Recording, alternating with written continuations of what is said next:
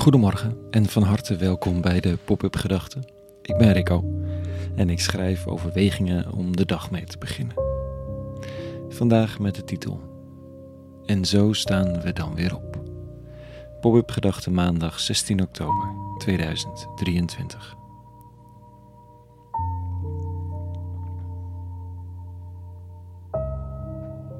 Ik zal niet de enige zijn die met een zwaar gemoed opstaat vanochtend. Dat je weet dat vandaag de nieuwsapps weer vol zullen staan met volgende updates over militair geweld dat al dan niet vandaag zal worden ingezet.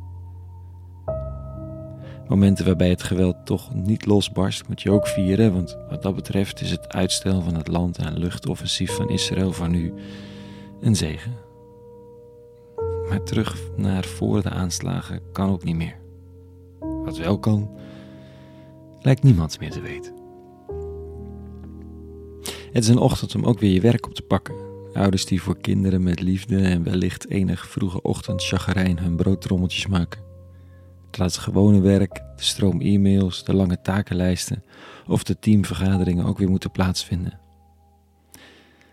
En het zijn soms zomaar onverbonden werelden, die van het doen en het eten en drinken naar je werk en terugrijden, en die van de nieuwsoutlets en de wereldpijn.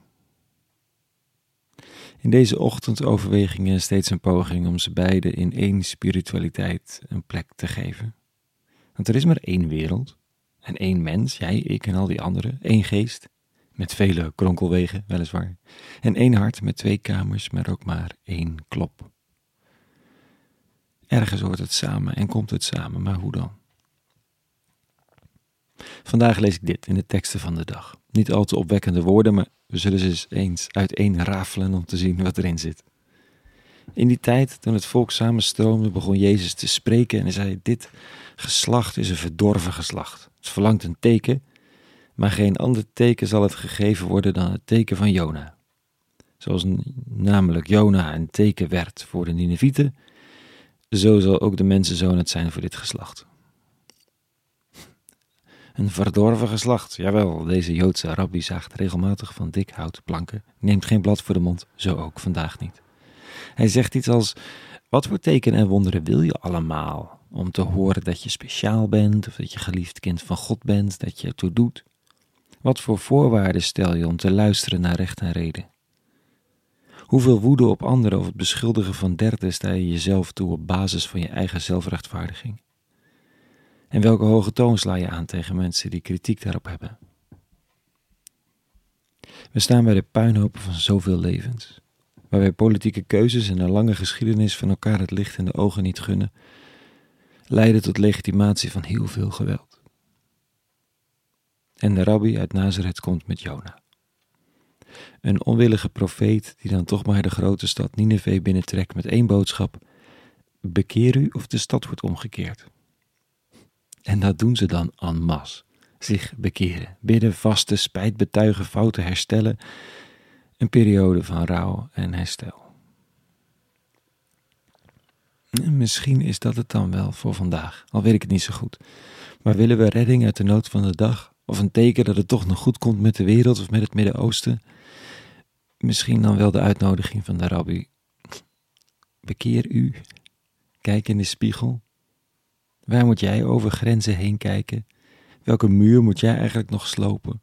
Welke weerzin over de ander mag ik vandaag onder ogen zien en de tijd nemen om even uit te reiken? De betonnen muren in Palestina zijn misschien ver weg, maar muren in zichzelf natuurlijk niet. Daar lopen we mee rond. Misschien is dat dan wel de integratie van de dag. Waarmee we iets van de wereld en het ellendige nieuws en die van onze dagdagelijkse bezigheden tenminste een beetje bij elkaar brengen, in één hart en hoofd en handen. Verbinding zoeken. Vandaag muren slopen, het eigen gelijk parkeren en Jona vragen om een stukje van ons leven binnen te wandelen met zijn wat mopperige boodschap van bekering, van verandering, van verzachting en reflectie op hoe we met elkaar omgaan. Al is het maar één stap, één telefoontje of appje. En wie weet, morgen weer een. Tot zover vandaag. Voor jou en iedereen, te midden van je kleine of grote uitdagingen en momenten van vreugde. een hele goede maandag gewenst. En vrede. En alle goeds.